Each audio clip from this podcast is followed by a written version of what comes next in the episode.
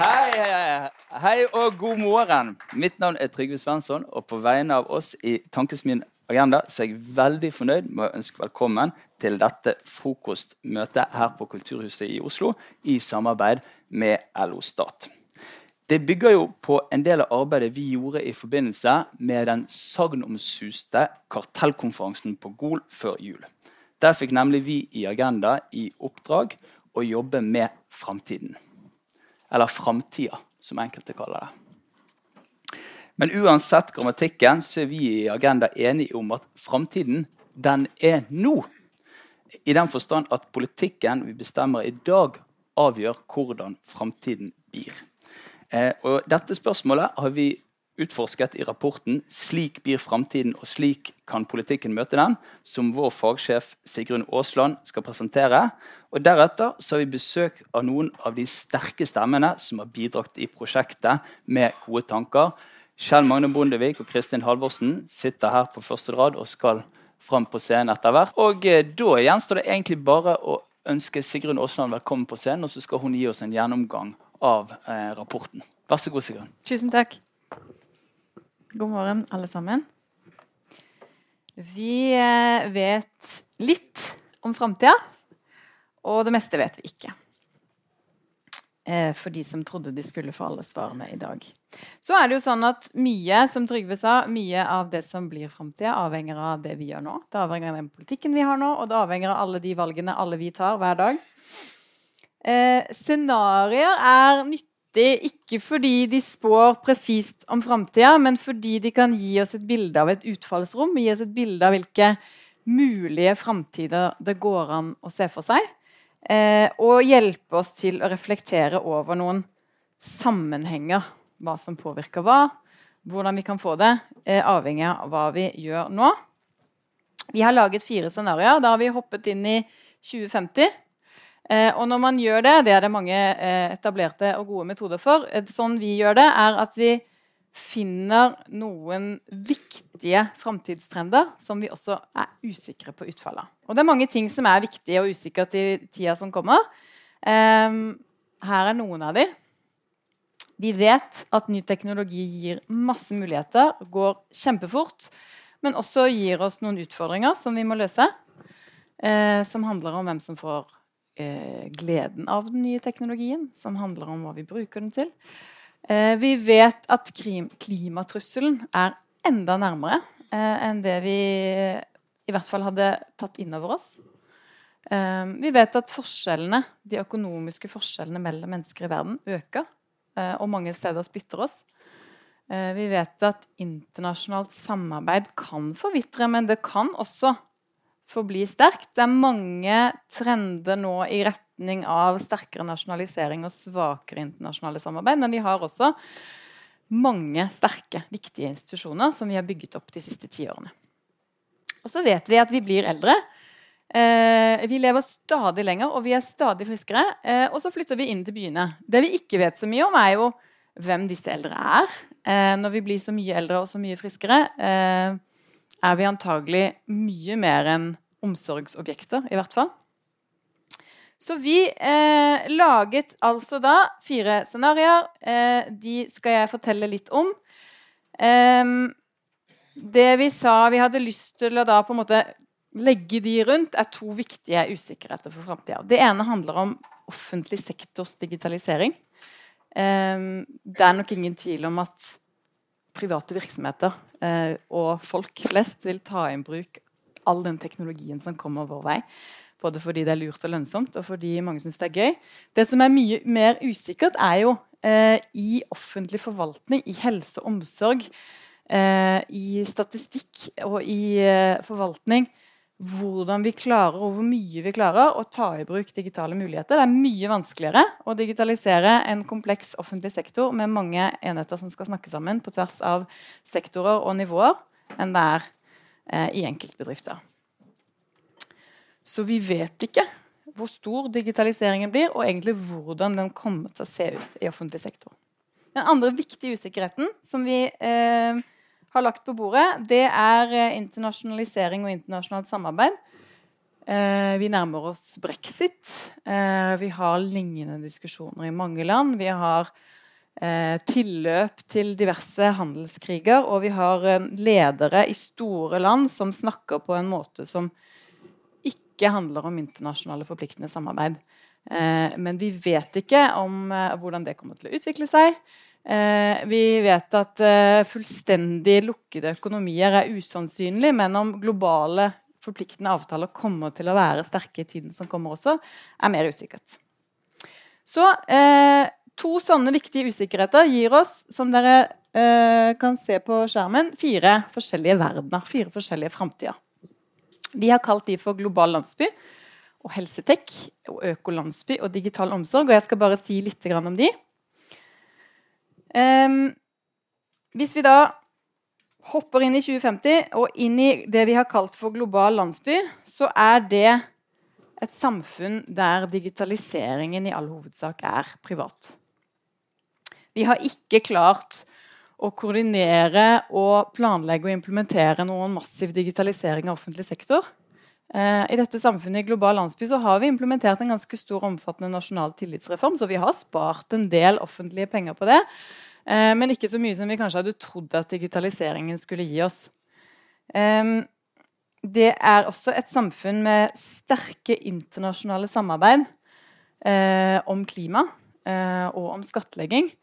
Men fordi digitaliseringen ikke har fått en så stor plass i offentlig forvaltning og planlegging, så har den heller ikke i så veldig stor grad blitt regulert. Den offentlige samtalen er ganske fragmentert, eh, og mange er litt bekymret.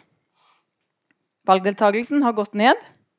Eh, det norske språket har forvitret litt fordi man deltar like mye i internasjonale diskusjonsforum og organisasjoner som egentlig i den nasjonale samtalen. Um, hvis vi flytter oss litt bort til høyre, så har vi et samfunn som vi har kalt for helsetek. Uh, det er også et samfunn med stor grad at det er et samfunn med stor grad av offentlig digitalisering. Um, mange tjenester er automatisert hjemme hos folk. Mye omsorg er uh, i form av digitale hjelpemidler og roboter. Uh, og det er også som en følge av det, en ganske sterk sentralisering av det som er spesialisthelsetjenesten. Uh, I Helsetek har vi også brukt teknologien på mange andre viktige offentlige områder. Vi har ganske smarte transportnett, vi har fått en sterk urbanisering. Folk kjøper og selger strøm til egne hjem. Den digitale plattformøkonomien er også tydelig i arbeidsmarkedet. Eh, største bekymringen mange har i dette samfunnet, er kanskje jobbutrygghet. Midlertidige og eh, løst tilknyttede arbeidsforhold i plattformøkonomien. Eh, og det er et samfunn med ganske eksportrettet helseindustri, men også ganske store forskjeller mellom de som har jobber i store teknologiplattformer, og de som leverer mer løsere. Det vil tjenester inn der. Eh, nederst til høyre så har vi et samfunn som vi har kalt for digital omsorg. Der har vi et stort og effektivt offentlig eh, og digitalisert omsorgsapparat. Vi har digitalisert offentlig sektor i veldig stor grad. En bekymring noen har, er, og som vi vel også kanskje mange kjenner oss igjen i, Eh, er at i den digitaliseringen så har vi ikke bare effektivisert. Vi har også eh, laget en ganske stor forvaltning eh, med betydelig grad av rapportering eh, og administrasjon. Um, vi har gjennomført en stor kompetansereform. Det er kommet mange nye jobber i sentralforvaltningen. men det er også en bekymring for at det i liten grad nå er nye jobber i privat sektor i Norge. Så til slutt har vi Økolandsby. Det er et samfunn som eh, eh, søker litt innover. Et trygghetssøkende samfunn. Det har vært mange store naturkatastrofer i dette scenarioet. Det er ikke noen sterke internasjonale samarbeid som har håndtert klimautfordringene. Eh, det er heller ingen sterk økonomisk vekst, og det er ikke noe særlig grad av digitalisering i offentlig sektor. Eh, dette er et samfunn der Eh, mange søker tilbake til lokal kultur, lokal matkultur. Sirkulære løsninger som kan spare oss for ressursbruk og penger. Eh, og ikke noe særlig grad heller av sentralisering, i hvert fall ikke noe sterkere enn til nå. Disse fire scenarioene kan dere lese mer om i en rapport som ligger på hjemmesiden vår, som heter 'Slik blir framtida'. Men det vi også gjorde, for man kan ikke bare sitte ved skrivebordet og tenke hvordan framtida blir, det var å spørre 1000 nordmenn hva de tror. Eh, og så er det ofte sånn at én eh, ting er hva vi tror, eh, og så er det av og til interessant å spørre folk hva de ønsker. Og det er ikke alltid det er det samme. Eh, da er vi jo tilbake til hva politikken nå og valgene nå betyr for hvordan framtida blir. Vi spurte folk hvordan de trodde at Norge kom til å være i år 2100. Eh, vi har bare laget en ordsky, fordi de svarte veldig mye forskjellig. Og vi har slått sammen eh, litt av de ordene som lignet på hverandre. Eh, veldig mange var opptatt av teknologi. De trodde Norge kom til å bli et svært sterkt teknologisert, digitalisert samfunn. Mange var urolige for problemstillinger knyttet til fattigdom, velferdsstat. Eh, mange tror at Norge kommer til å være varmt i 2100. Eh, det er vel heller ikke helt urealistisk. Og mange var opptatt av innvandring. Så spurte vi folk hvordan de ønsket at Norge skulle være i år 2100. De ordene som er sterkest representert der, er klimavennlig, fellesskap, trygghet, rettferdighet, stabilitet så kan dere jo selv spekulere i hvilket scenario det ligner mest på. Det er kanskje litt av alt. Um, vi spurte også folk hva de var mest redde for. Um, og det aller flest, 57% var redde for, var uh, svekking av velferdsstaten. Uh, nesten like mange var redde for store klimaendringer. Um, og litt færre, men ganske mange, er redde for økonomisk ulikhet. Og på fjerdeplass kommer frykten for svekket demokrati. Hvis vi skal unngå dette, så spurte vi folk hvem er det som burde gjøre noe. Hvem burde hindret dette, da, hvis disse uroene dere har, slår til? Um, svekking av velferdsstaten er politikernes ansvar. Det er kanskje ikke noen stor overraskelse. Eh, mange mente at for å håndtere store klimaendringer eh, eller for å hindre terror, så trenger vi sterke internasjonale samarbeid. Eh, men svekking av velferdsstat, svekking av demokrati og økende økonomisk ulikhet i veldig stor grad ses på som noe politikerne i dag må rydde opp i. Vi skal få utdype alt dette etterpå. Eh, vi oppsummerte i rapporten vår fra eh, både scenarioene og det som folk sa, fire sånne store eh, utfordringer. Som, hvor det ene handler om å fordele. det andre handler om å sette kloden først. men også styrke beredskapen for de endringene som kommer til å komme som en følge av klimaendringer ta kontroll over teknologien og passe på at den er noe som hjelper oss eh, og gjør verden bedre. Eh, og ta vare på demokratiet og bruke tilliten. Veldig kort oppsummert. Jeg skal overlate ordet til panelet. Siden Gudmund Hernes dessverre ikke kunne komme, så skal jeg få lov å ta hans plass. Det er en stort ansvar. Men takk for meg.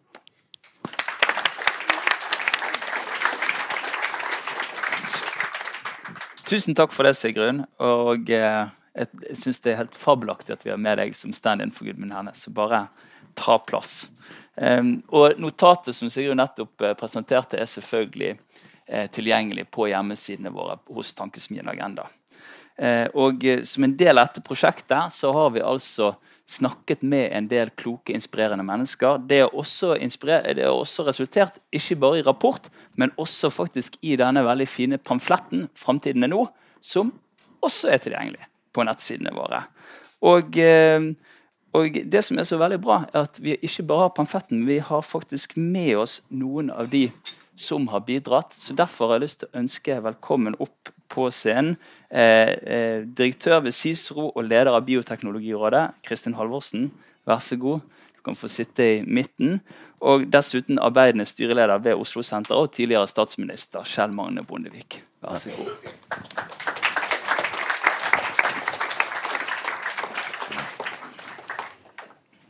Jeg, jeg tenker kanskje at eh, en god dramaturgi i samtalen kan være at vi, vi kanskje vi begynner litt sånn alvorlig og dystert, og så ser vi om vi arbeider oss i en mer sånn positiv og konstruktiv retning. Høres det greit ut? Er det en eh, Absolutt. ja.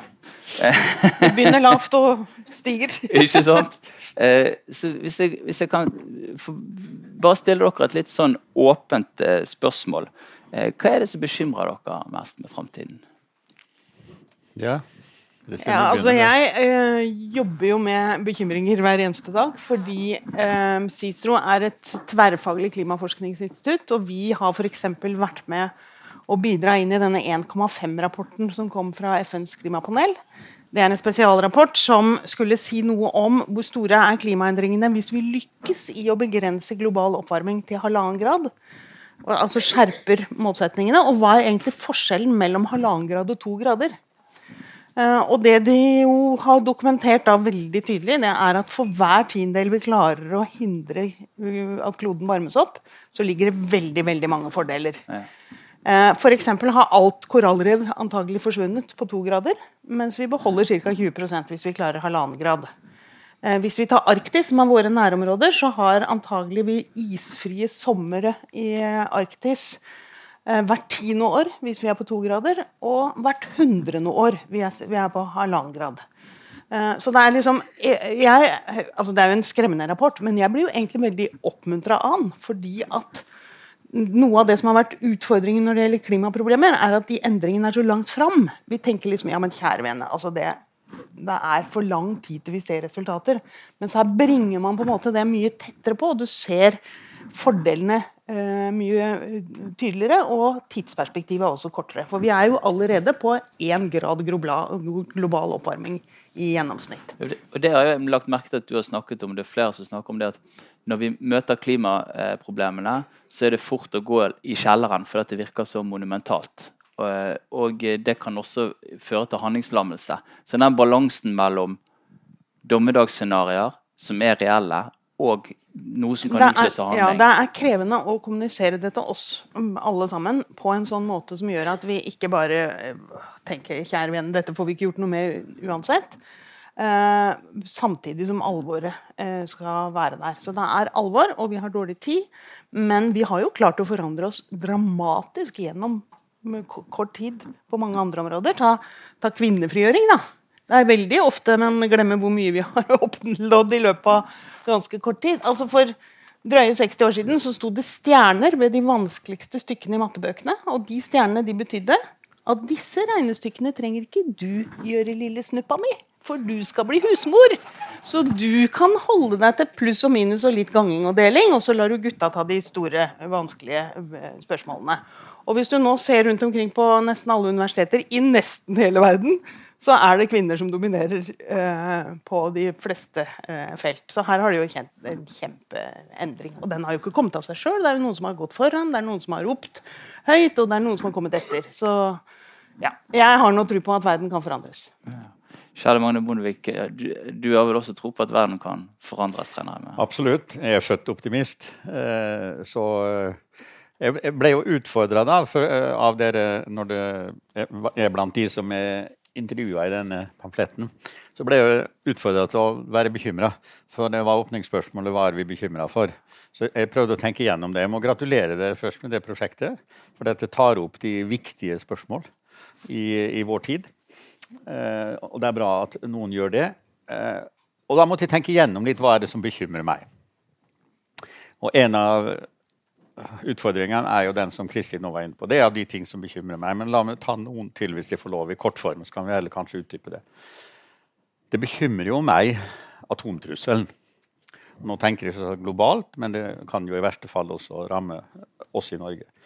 For det er jo et faktum at vi fortsatt har forferdelig mye atomvåpen. Og spredd på flere hender enn før. Og bekymringen er jo selvsagt også hvis det kommer i hendene på noen som ikke tenker rasjonelt. For det er jo fullstendig irrasjonelt å bruke det. Det vil jo bli den store katastrofen. Meningsløst våpen. Helt meningsløst. For du kan egentlig ikke bruke det uten å utslette deler eller hele kloden. Eh, men fortsatt har vi det. Det bekymrer meg virkelig hvis det blir satt i spill. Eh, hva, hva, hva skjer da? Eller vi vet vel dessverre hva som skjer. Eh, så jeg syns ikke vi kan snakke om bekymringer uten å nevne den, for den er på en måte den største. Og det var en, eh, sånn som jeg oppfattet det, så var det noe som man var mer bekymret for, som var høyere i folks bevissthet litt tidligere. At Ja. kanskje klimatrusselen på mange måter har tatt litt av plassen til Det tror jeg er riktig. Vi har ofte problemer med å ha flere tanker i hodet samtidig. Men vi må ikke glemme atomtrusselen. Eh, Selv om klimatrusselen nå har kommet. Og den virker jo på en måte nærmere, for vi merker virkningene, klimaendringene. Og vi vet hva vi kan gjøre. Og vi gjør en del ting for å redusere den. Atomtrusselen er liksom noe vi føler at ikke vi ikke kan få gjort noe med. Det er noen andre som sitter med det. Men potensielt så er jo det eh, truende for kloden.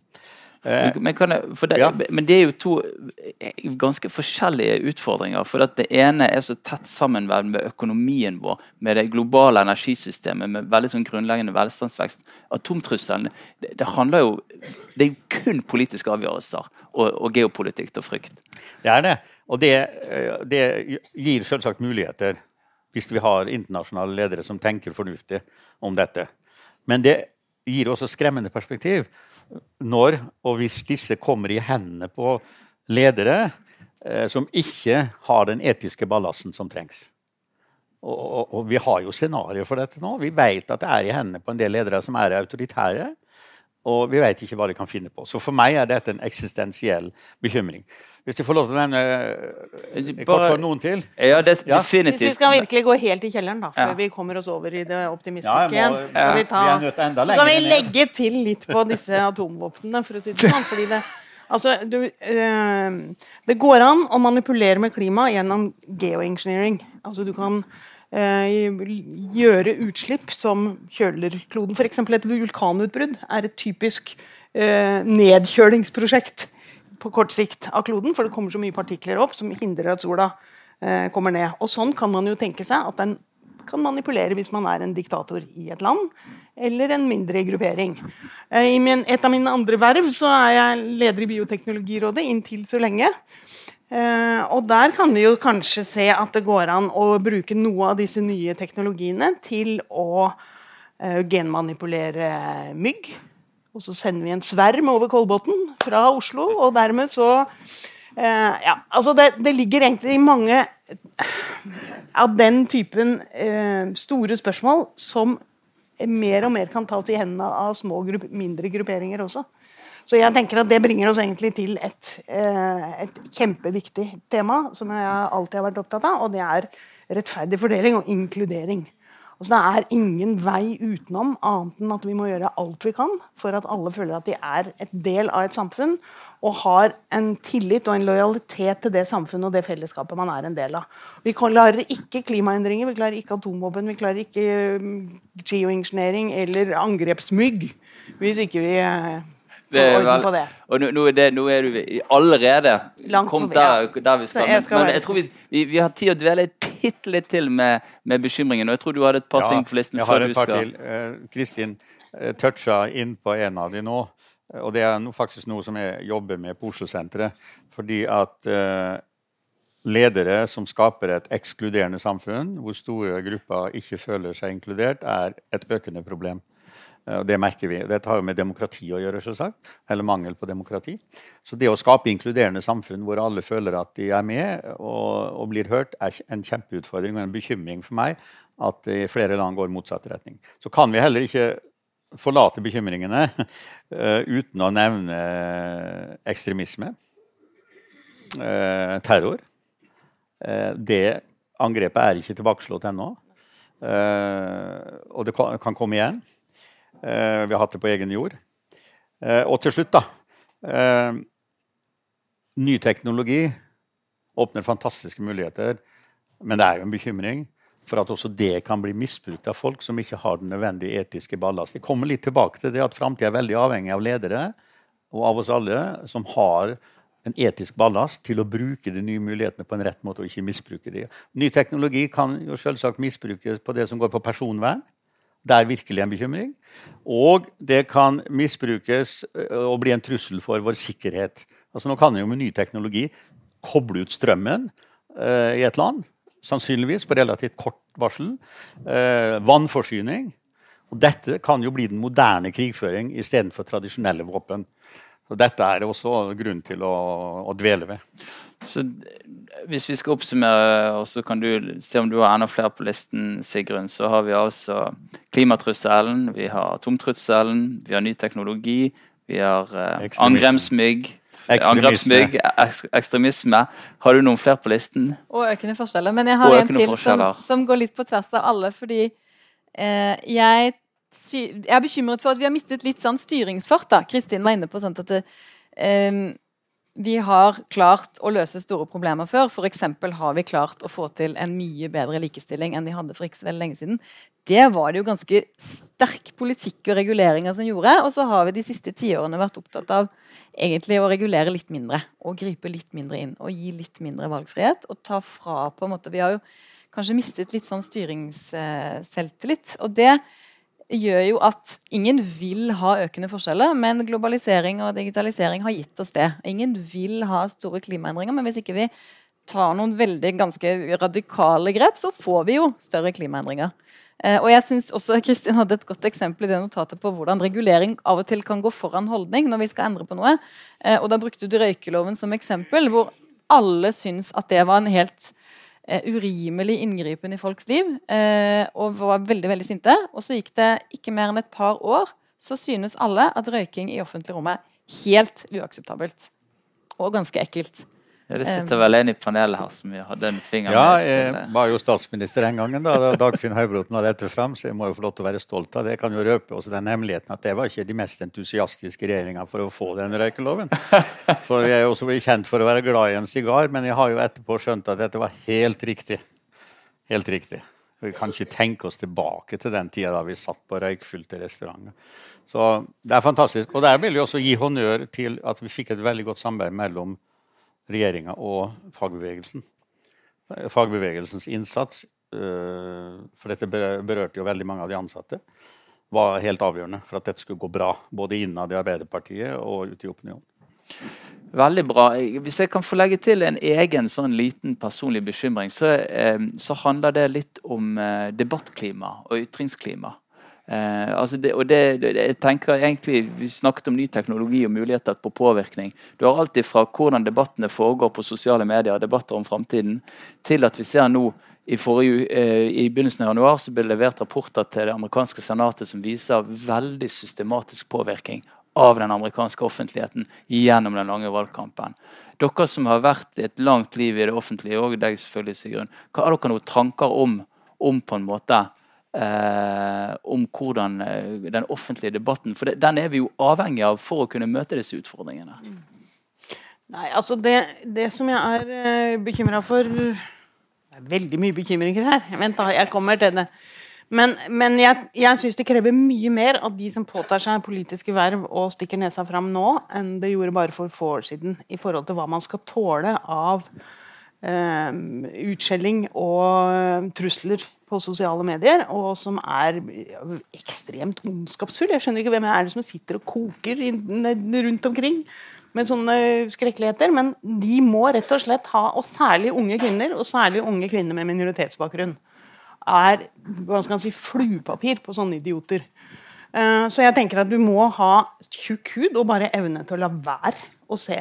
Eh, Altså la være å gå inn, inn i det, fordi det er så mye som du, du det er liksom ingen mulighet til å eh, til å, å hamle opp med det.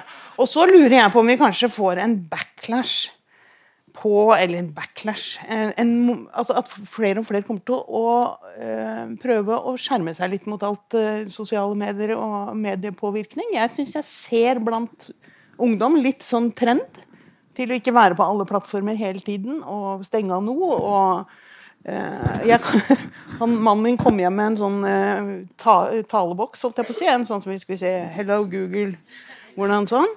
Og jeg sa den må ut på verandaen. Den overvåker meg, og jeg kan ikke ha den her. Da følte jeg meg litt sånn fra gamle dager, men, men det er et eller annet med at eh, ja, Jeg tror det kan komme noen sånne ønsker om å ta kontroll over eh, eget liv. Så kommer det til å være begrensa, fordi de ser oss jo overalt. Men uh, ikke minst i forhold til hvordan vi da er inne i de forskjellige boksene og blir, blir påvirka. Sigrun også, Kjell Magne.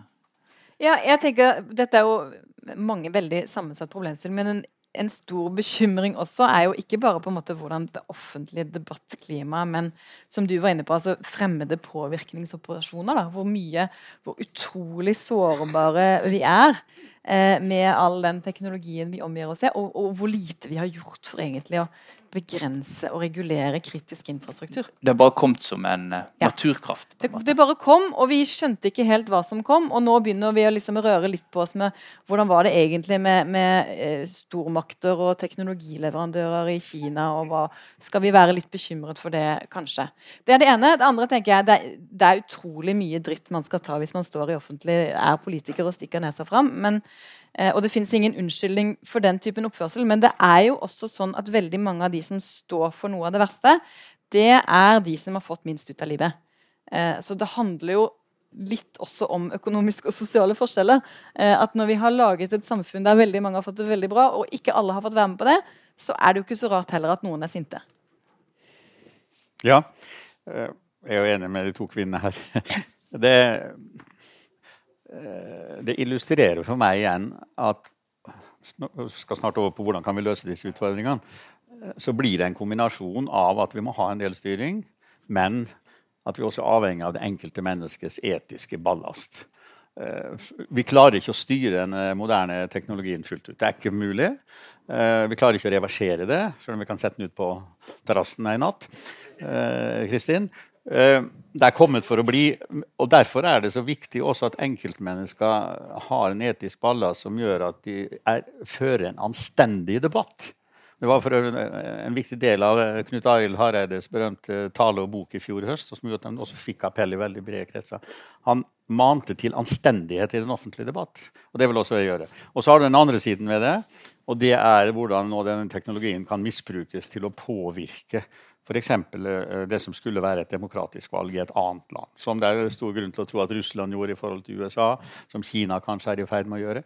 Da er jo virkelig demokratiet satt i fare også. Så dette, dette med ny teknologi og faren for misbruk er en kjempeutfordring. og jeg er jo en sinke på ny teknologi, og det er jeg på, en måte glad for. Jeg slipper å bruke altfor mye tid på det. Jeg bare kaller på barnebarna når jeg skal ha hjelp. Så men dette, dette, dette, har vi ikke funnet måten å takle. Men kan ikke jeg bare si en ja, okay. liten ting? Fordi det er jo, I alle sånne sammenhenger er det jo hva skal man si, de kriminelle som går foran. Eh, eller, eller, de som på en måte sprenger grensene, som går foran. Jeg tror at dette blir et stort tema i forhold til politisk regulering på det internasjonale plan.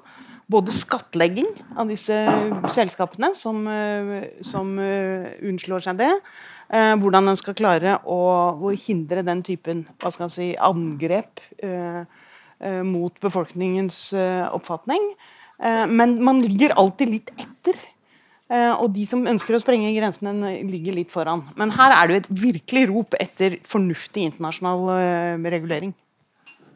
Nå føler jeg at egentlig dere har snakket lengre om bekymringer og problemer enn det dere er vant til. For sånn som jeg eh, pleier liksom, har sett dere i offentligheten, så har det alltid vært eh, eh, løsningene som har, vært, eh, som har, vært, det viktigste. Så nå, nå skal vi prøve eh, å snu litt på det.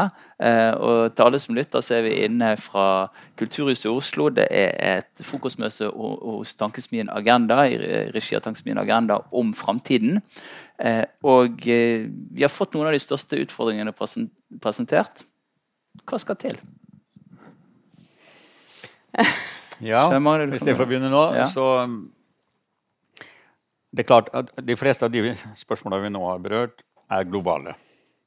Og det krever derfor også globale løsninger, altså et internasjonalt uh, samarbeid. Ingen tvil om. Og på mange områder et mer forpliktende internasjonalt samarbeid. Vi har jo organisasjoner for det. Vi har først og fremst FN, vi har alle dets underorganisasjoner, vi har en god del regionale organisasjoner. Uh, og så må det som vi var inne på i sted, kombineres med den enkelte av oss. At vi sjøl er oss vårt ansvar bevisst, enten vi er på sosiale medier eller opptrer i andre sammenhenger. Så Det er en kombinasjon av disse to tingene. Så er det spørsmål om hvordan organiserer vi det internasjonale samarbeidet for å løse dette. Uh, jeg mener jo at den uh, organisasjonen som ligger oss nærmest, men som vi ikke sjøl er medlem av, altså EU, uh, er et forsøk. Ingen tvil om at det var det i starten, for å skape fred i Europa.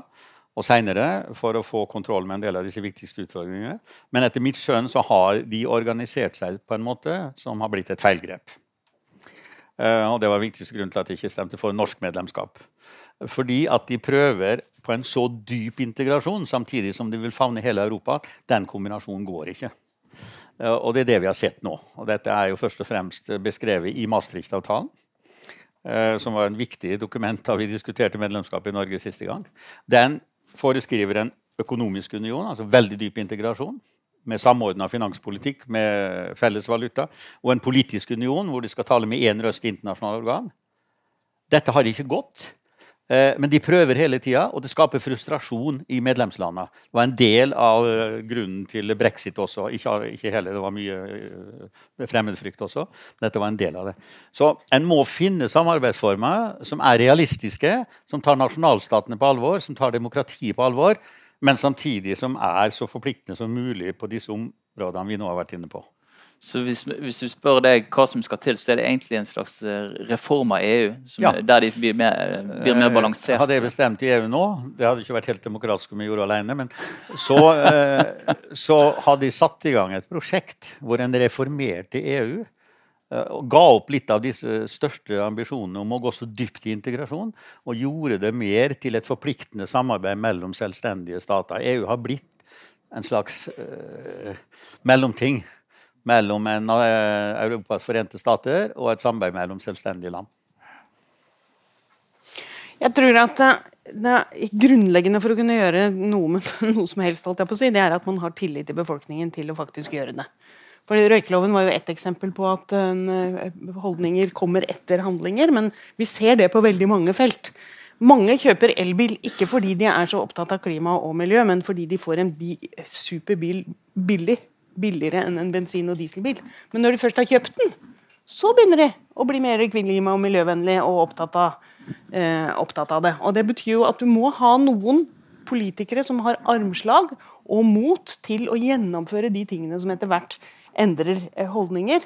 Uh, og mye av det dreier seg jo f.eks. I, i Norge om å regulere transport. Det gjør det jo uh, andre steder uh, også. Og hvis du skal få til det, som i utgangspunktet også kan være i første omgang upopulære tiltak, så er du jo avhengig av at, har, at, folk har forståelse for det, og at de føler seg representert. Og jeg, jeg tror at vi har en tendens til å glemme hvor utrolig unik den nordiske og skandinaviske modellen er. Jeg har jo mange internasjonale ansatte hos oss, og de er sånn Herlighet, sitter direktøren og spiser i kantina?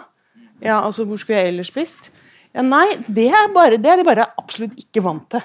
Eh, at det er korte veier, at du blir hørt. Hvis du har noe å komme med, uansett hvor du befinner deg i et, i et, hierarki. Alt det der som gjør oss til et effektivt og mer produktivt samfunn, og som gjør liksom den Eh, at fagbevegelsen og de organisertes arbeidstakernes eh, måte, innvirkning på hvordan dette her er. Det er så utrolig viktig å klare å ikke bare bevare det, men å videreutvikle det. Og det jeg også hører, Du er inne i dette med at politikere skal ha armslag. og det, det, du snakker om nå er jo litt den dynamikken at politikken og partienes oppgave det er jo både å lede an, mm. men også å lytte. Det er hele tiden en dobbel oppgave. Og hvis Eh, altså, eh, og hvis eh, eh, samfunnet utvikler seg sånn at man kun prøver å respondere på det som finnes, da, altså korte på en måte behov, eller eh, så blir det kanskje vanskeligere for politikere å se lange linjer. Ta, ta, på ulikhet, da. Ta, ta finanskrisa. Som jeg tror det er ti millioner amerikanere som mista boligen sin på en hinsides dårlig regulering av et finansmarked og totalt uansvarlig eh, kamp om, om kundene. Eh, mens de som jo hadde ansvaret for det, de har bare berika seg siden. Det er klart det er vanskelig å gå til en vanlig amerikaner og si hør her, nå er det din tur, nå må du virkelig brette opp ermene og være med og ta et tak. Når du ser at de som har skodd seg på det, bare flyter eh, unna. Og det har vi hatt eh, heldigvis en annen politikk og en annen politisk tradisjon på, en annen demokratisk tradisjon på. Hvis ikke vi klarer å se det, og der gjøres det jo valg hele tida. Gjøres valg hele tida i skattepolitikken eh, i Norge. Der, eh, og selv om det er mye internasjonale trender her, så kan den gjøre jobben sjøl. Jeg tenker det er kjempeinvestering i forhold til hva vi skal løse av alle tenkelige oppgaver. Ja, En av de tingene vi eh, om ikke vi skrev det, så landet på i det arbeidet vi gjorde, var Her var jo på en måte mer, mer stat, ikke mindre. Altså, skal vi løse klimaproblemene, som i stor grad handler om en millioner av transportbeslutninger som tas hver dag, eh, og skal vi klare å redusere forskjellene, som er forklaringen på veldig mye av den uroen og manglende tilliten vi ser, så eh, trenger vi jo egentlig mer regulering og mer fordeling. Eh, så enkelt og så vanskelig. Men, men det krever jo egentlig at vi snur en trend da, som har gått mer i retning av mindre regulering og mindre stat. Så igjen, hvis vi skal prøve å oppsummere kort, så eh, snakker vi om eh, Vi bør gå i retning av mindre forskjeller. Altså, vi, vi, må sørge for at tilliten ikke synker, men derimot stiger. Vi må se om de internasjonale samarbeidsorganisasjonene vi har, er fit for the job. Om de liksom er, er rigget. Noen jeg har glemt, da. I tillegg noen, noen, noen flere ting av hva som må gjøres. Vi har kanskje ikke snakket om regulering av teknologi, da. På ulike En skattlegging av store teknologigiganter, f.eks., som, som jo er en, en, stor aktør i økonomien, og som i veldig stor grad nå slipper unna og bidrar til fellesskapet. Um, Der kunne jo EU gjort en fornuftig jobb istedenfor å drive og dille med en masse detaljer. Uh, som ikke har så stor betydning. Jeg tror at det, ja, det gjør de. Der tar de jo faktisk noen uh, initiativer òg. Hvis noen skal ordne opp i det, så, så tror jeg at EU er et, et uh, system for det. Så, ja. Hvis man, de internasjonale organene konsentrerte seg om det som var viktig, så hadde selv Bondevik blitt EU-tilhenger. Og du òg. Aldri jeg, For de som eh, lytter på, ser vi altså inne fra Kulturhuset i Oslo. Det er et møte eh, i samarbeid mellom Tankesmien Agenda og LO Stat. og Det handler om framtiden og hvordan vi skal løse de store utfordringene. Og Nå går vi inn i siste del av samtalen. og da, det er sant, Vi både snakket om hva som bekymrer oss, eh, hva som bør gjøres. og nå, nå tenkte vi at vi kan bruke de siste minuttene på å diskutere hvem er det som skal løse dette. Altså hvilke aktører, og for den saks skyld hvilke mennesker. Er det noen som har noen tanker? Ja, eh, jeg, jeg kan eh, tenke høyt om det. Eh, jeg har tenkt en del på at enkeltmennesker, altså ledere internasjonalt, kan bety mye mer enn det vi ofte tenker. Vi tenker at uh, forandringer i verden, verden, det skjer gjennom store organisasjoner som FN og andre. Det skjer gjennom økonomiske ressurser, reguleringer osv. Men tenk, i vår levetid så er denne verden totalt forandra, bl.a. av et par enkeltpersoner, ledere. Jeg tenker på Mikhail Gorbatsjov, uh, som kom i diskreditt i sitt eget land, men har betydd enormt mye historisk og positivt. Han lot revolusjonen rulle gjennom alle øst- og sentraleuropeiske land uten, som sine forgjengere, å gripe inn militært da det begynte. Og Jeg snakka med Gorbatsjov faktisk om dette. her. Han var overbevist om at det kommunistiske systemet og hele østblokken ikke var bærekraftig i det lange løp. Så han tok personlig den beslutningen og til tider belastningen med å la dette skje. Eh, kanskje hadde det skjedd på et senere tidspunkt eller på en annen måte hvis det ikke hadde vært for Gorbatsjov, men det hadde ikke skjedd da, og det hadde ikke skjedd på den fredelige måten uten én person. For dette var en beslutning han personlig tok. Det var ikke det kommunistiske systemet rundt ham. Tenk på Nelson Mandela som jeg også hadde gleden av å treffe, uh, og snakke om dette. her. Han, da han kom ut etter 27 år i fengsel, så tenkte alle av oss at nå vil han ta hevd og sette det hvite mindretallet på plass, som hadde ødelagt en stor del av han og andres liv i mange mange år. Hva gjør han? Han inviterer Fredrik de Klerk, altså den eh, siste hvite apartheidpresidenten, inn som visepresident. Og skaper en forsoning i Sør-Afrika og et eksempel, ikke bare for hele Afrika, men for hele verden, på forsoning og et inkluderende samfunn. Han inkluderte til og med det hvite mindretallet. Han forandra historien ikke bare i Sør-Afrika, men i hele Afrika og kanskje verden. Nå er det dessverre masse tilbakefall, både i Øst-Europa og i Sør-Afrika. Men dette viser bare i et par glimt hva ledere, enkeltmennesker, kan bety. Og jeg, hvis vi ser omtrent like mange år frem i tiden, da, 30-40 år frem.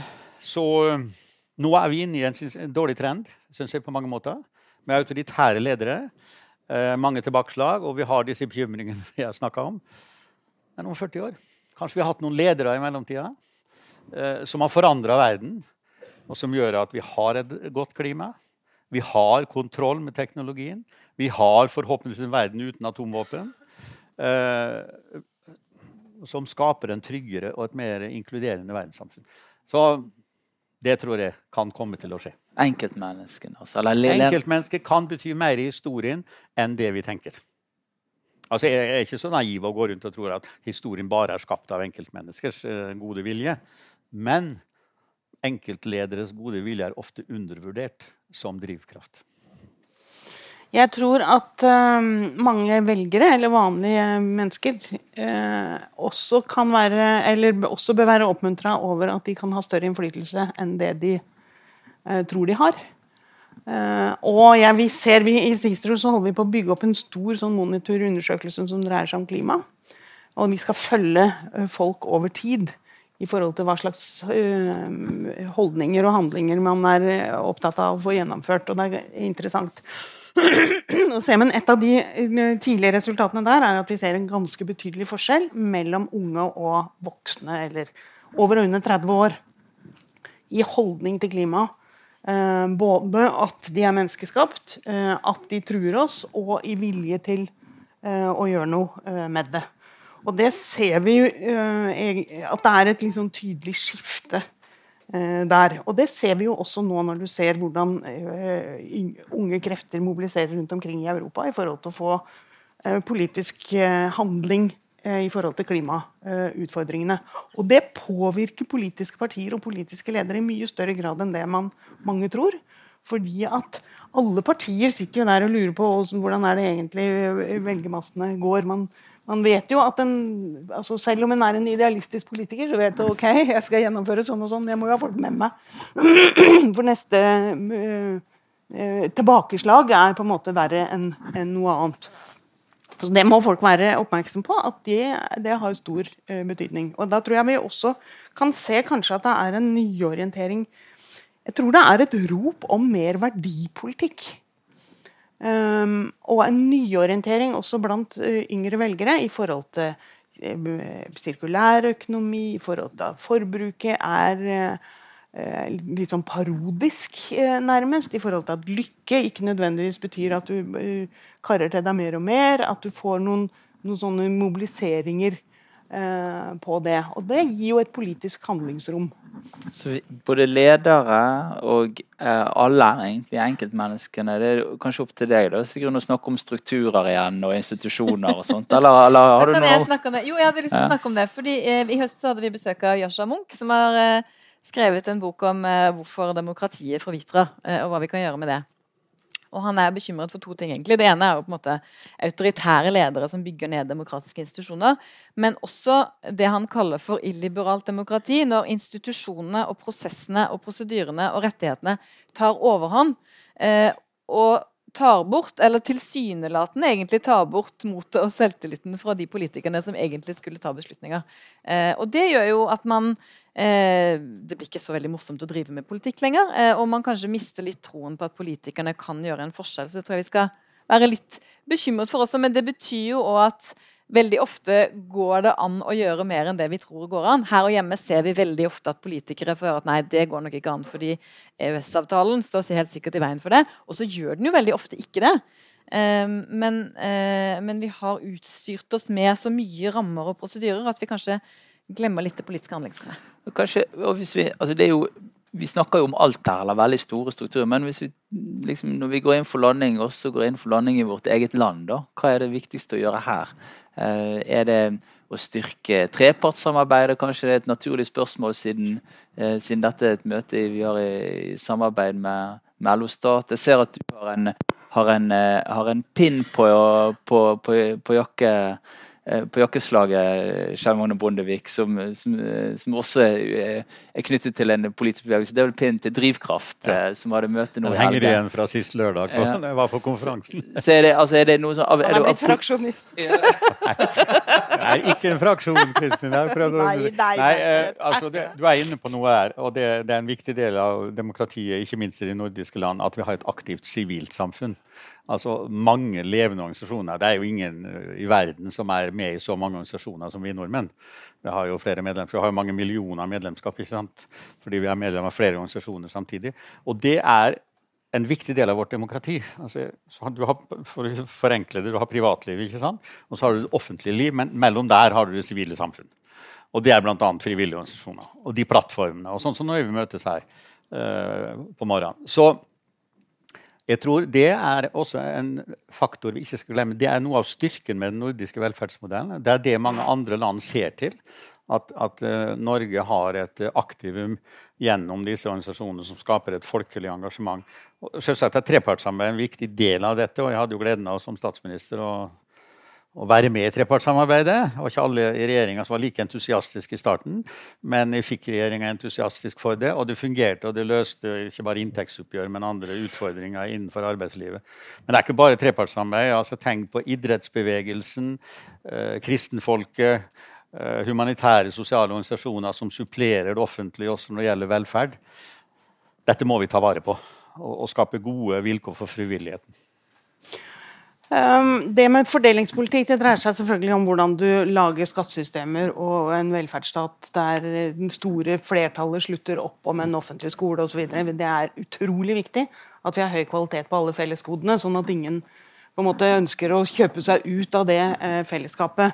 Men det krever også at den har en god fordeling i bånd. Og at den har arbeidstakerrettigheter som gjør at du har eh, et, et, visst lønnsnivå som eh, man kan fordele på en måte ut fra. Så jeg tror at den erkjennelsen av at vi trenger allmenngjøring av tariffavtaler, at vi trenger eh, måte, altså at noen er, har vært veldig utsatt i denne mer globaliserte økonomien, det tror jeg er en sånn erkjennelse som også må, øh, må ligge der. Og så øh, jeg, tro, jeg, tror at det er en, et veldig ønske om et politisk lederskap med et tydelig verdifundament. For veldig mye av politikken handler, drukner i noen sånne små nitty-gritty eh, hist og pist. Mens eh, alle vet at vi må løse de absolutt store oppgavene. Vi må løse eh, klimaproblemene. Og vi må sørge for at vi har en fordelingspolitikk nasjonalt og globalt som gjør at folk føler seg inkludert. Ellers så rauser alt handlingsrommet for alt det andre. Og, og jeg eh, tror at den som klarer å sette det med et smell på den norske politiske dagsorden, men også uh, til inspirasjon for andre, kan få gjort ganske mye. Vi nærmer oss landing her, men kort, eh, Sigrun, har du noe? Det syns jeg var veldig kloke ting, begge to. Fagbevegelsen og frivilligheten. og og dette er jo problemer som går an å løse. Eh, hvis vi skulle avslutte litt optimistisk, da. Ja, Det må vi gjøre. Det er viktig. Og vi skal faktisk avslutte skikkelig optimistisk. Og for de som lytter her, så er vi altså inne fra Kulturhuset i Oslo. Vi har snakket om framtiden, hatt en spennende samtale i, i, i, en god stund nå. Og eh, det vi har gjort i dette prosjektet, er at vi har avsluttet alle eh, ved å stille et oppsummerende spørsmål. Og det er at Tenk at vi er i 2060, 42, eh, 41 år fra nå. Eh, og, og, så lurer jeg på hva er da de viktigste grepene vi tok for å sikre et rettferdig bærekraftsamfunn? Og selvfølgelig får vi det til. Og dere har sånn roughly ett minutt på å svare på det. Så det, det, er en stor utfordring, men jeg er sikker på at dere, dere har en tanke. Kanskje du vil begynne? Ja, I 2060 da feirer jeg 100 år, så dere har invitert alle sammen. Da skal vi eh, sprette champagnen, fordi vi klarte i 2050 å bli et lavutslippssamfunn. Eh, vi gikk faktisk i netto eh, negativ utslipp. Vi fanga flere mer CO2 og klimagasser enn det vi slapp ut. Eh, og dermed så har vi klart å beholde biomangfold, og vi har eh, hindra de største regnskyllene i Bergen. Eh, og ikke minst hete og tørke mange steder i verden. Og det har vi klart på en sånn måte uten at Barentshavet står igjen med en masse såkalt stranded assets, altså investeringer som aldri gir avkastning. Så det klarte vi også i tide. Så vi går inn i historiebøkene da, som noen som liksom fikk ordnings på det, og som er til inspirasjon for oss selv og andre. Så hjertelig velkommen. 2.9.2060. Da flommer champagnen. Ja, da er jeg vel i 112 år, jeg. Og har slått min far med ti år. Han ble 102. Ja, og det er jo mitt mål. Da kan du han. også drikke champagne. Ja, så eh, da kan det til og med hende at jeg drikker et glass champagne. Ja, ikke sant, ja. Eh, og feirer at eh, vi har en verden uten atomvåpen. Det har FN vedtatt som mål. Da bør det være realisert. Eh, og at eh, vi har fått en, et mer fornuftig forhold til moderne teknologi. Til bruk av alle disse duppedittene. og til styring av dem, slik at ikke de kan ødelegge privatliv, personvern og demokrati. Og så er selvsagt har forhåpninger som Kristin til eh, at vi har fått løst klimaproblemet. Og til slutt, for det jobber vi med på Oslo-senteret, alle land i verden har blitt demokratier. Eh, I dag er ca. 100 land det. Det er ca. 100 land som gjenstår. Og Det skal vi ta i løpet av de neste, neste 40 år. Det er en fin måte å feire 100-årsdag på. Veldig bra. En applaus for den òg. Ja? Da, da får du 2060. Jeg er jo bare knappe 80, så jeg står nok fortsatt i jobb, tenker jeg. Eh, det må alle gjøre lenger i 2060. Men eh, siden det har vært nevnt mye bra, så tenker jeg at det vi, vi må ha klart innen 2060, er jo å snu den utviklingen som nå er i retning av økte forskjeller. For hvis den får fortsette i samme tempo til 2060, så blir det ikke så bra. Men den snur vi, eh, og da kan vi feire 100-årsdag hvor alle får være med. Champagne til alle. Champagne til alle i 2060. Tusen takk, Kristin Halvorsen, Kjell Magne Bondevik, Sigrun Aasland. Takk også til samarbeidspartnerne i LO Stat. Ikke minst alle dere som kom hit på Kulturhuset i dag, og dere som har hørt på på radio. Takk for oss.